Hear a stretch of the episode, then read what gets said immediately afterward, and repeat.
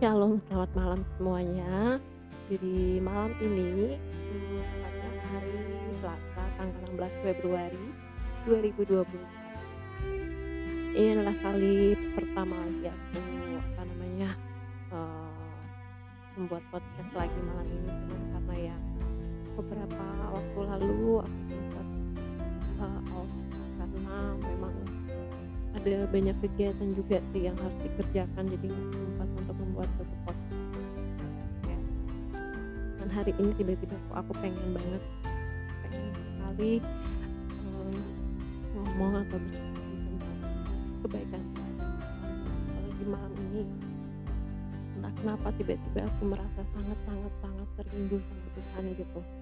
Tiap hari sih ketemu artinya dalam baca dan sebagainya, berdoa, tetapi tiba-tiba malam ini tadi aku pas lagi habis makan ya sebenarnya dari sebelum makan, tiba-tiba aja pengen pengen doa, pengen ketemu Tuhan gitu.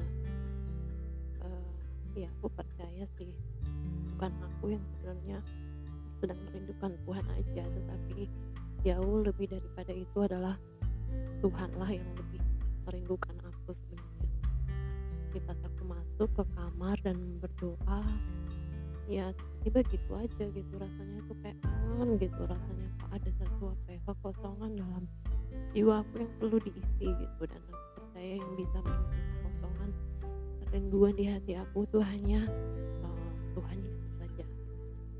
Jadi malam ini sebagai apa ya, podcast pertama aku kembali gitu ya, ya aku hanya mau sharing aja betapa baiknya Tuhan itu kita semua pasti udah pada tahu ya, gimana Tuhan tuh baik, tapi pribadi kenapa bisa bilang seperti ini karena ya sudah hampir melewati hari demi hari gitu ya aku dengan kondisi aku yang masih sendiri kayak gini, tetapi kuat dan bertahan semua kekuatan yang dari Tuhan aja.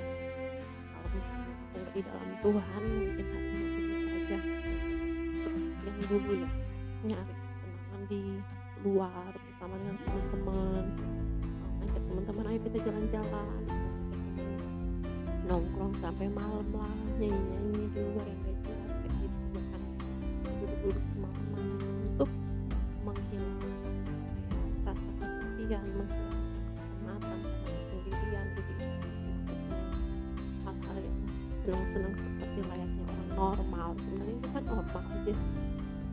Orang juga melakukan itu, cuman ya, eee, aku merasa kalau itu hanya hal yang sementara gitu.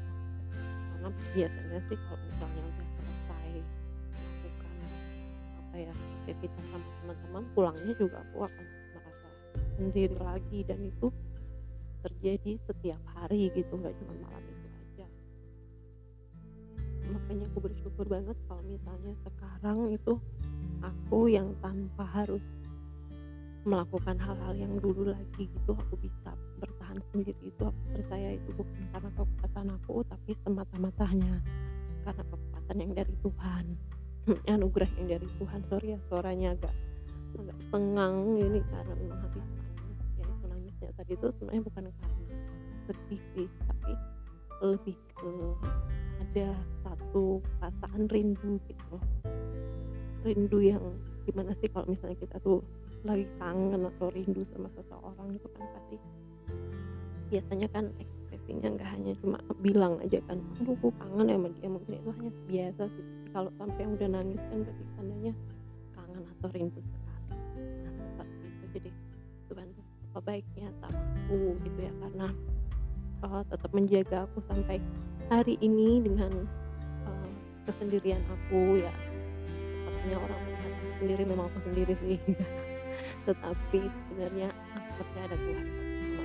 Nah, buat kalian juga yang mungkin hari ini para wanita di luar sana yang merasakan kesepian, kesendirian ya, mau bilang kalau kalian tuh sebenarnya nggak sendiri, memang sih kelihatan kalian lagi sendiri, tapi sebenarnya enggak kok.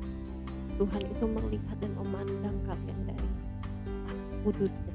Tuhan tuh sedang melihat kalian, bahkan dia sebenarnya menanti kalian datang ketika kalian nggak punya siapa-siapa, kalian merasa kalian hanya seorang diri, kalian nggak punya temen yang bisa mengerti apa yang kamu oh, lagi rasakan sekarang. Ada satu pribadi yang sangat mengerti. Bahkan di luar dari kita diri kita memahami diri kita sendiri ada satu pribadi yaitu Yesus.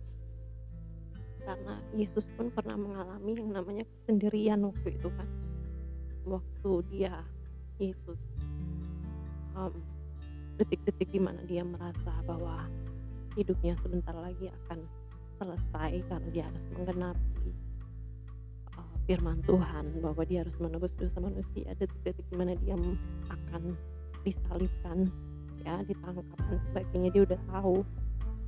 Saat itu kan dia minta para murid untuk menemani dia untuk berdoa lah jaga paling lama ya satu jam aja gitu. Tapi apa yang murid-murid lakukan? Eh murid-muridnya malah dengan keegoisan mereka ya dengan ya mungkin mereka juga lelah juga sih. Mereka memilih untuk tidur dan seolah nggak memperdulikan perasaan Yesus saat nah kalian kebayang nggak sih jadi Yesus seperti apa? Selama ini Yesus sudah bersama-sama mereka kalau kalau kita pikir secara manusia manusianya kita ya kedagingan kita Yesus sudah milih mereka yang berdosa dipilih jadi muridnya udah dikasih tempat yang istilahnya layak lah ya untuk menjadi seorang murid Yesus mengikuti dan sebagainya. Tapi apa yang mereka perbuat juga mereka justru ketika Yesus dalam kesulitan atau dalam perasaan itu mereka nggak mengerti perasaan Yesus gitu. Siapa yang bisa mengerti perasaan Yesus nggak ada. Satu murid pun nggak ada bisa mengerti perasaan Yesus. Nggak ada satu murid pun yang berhasil. Oh ya. Tuhan Yesus tuh lagi apa namanya butuh dukungan dari aku deh. Nggak ada kayak gitu. Jadi ya Yesus juga pernah mengalami kesendirian itu pernah. Makanya kalau misalnya kamu mengatakan gak ada satu orang pun yang bisa mengerti perasaanku itu mungkin benar. Tapi ada satu pribadi yang mengenal yang mengetahui apa yang kamu alami. Namanya adalah Yesus.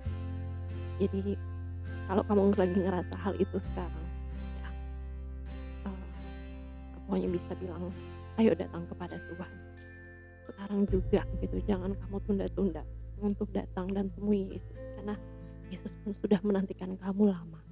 Dia ingin memeluk kamu dia ingin menemani kamu melewati semua permasalahan dalam hidup kamu. Dia nggak ingin kamu sendirian aja melewatinya. Dia ingin kamu memegang tangannya. Jadi datanglah kepada Tuhan hari ini malam ini berdoalah harus menangis menangislah nggak perlu takut dan percaya Tuhan akan bersama-sama denganmu dan akan memberi kamu ketenangan dan kelegaan. Oke, okay, itu aja.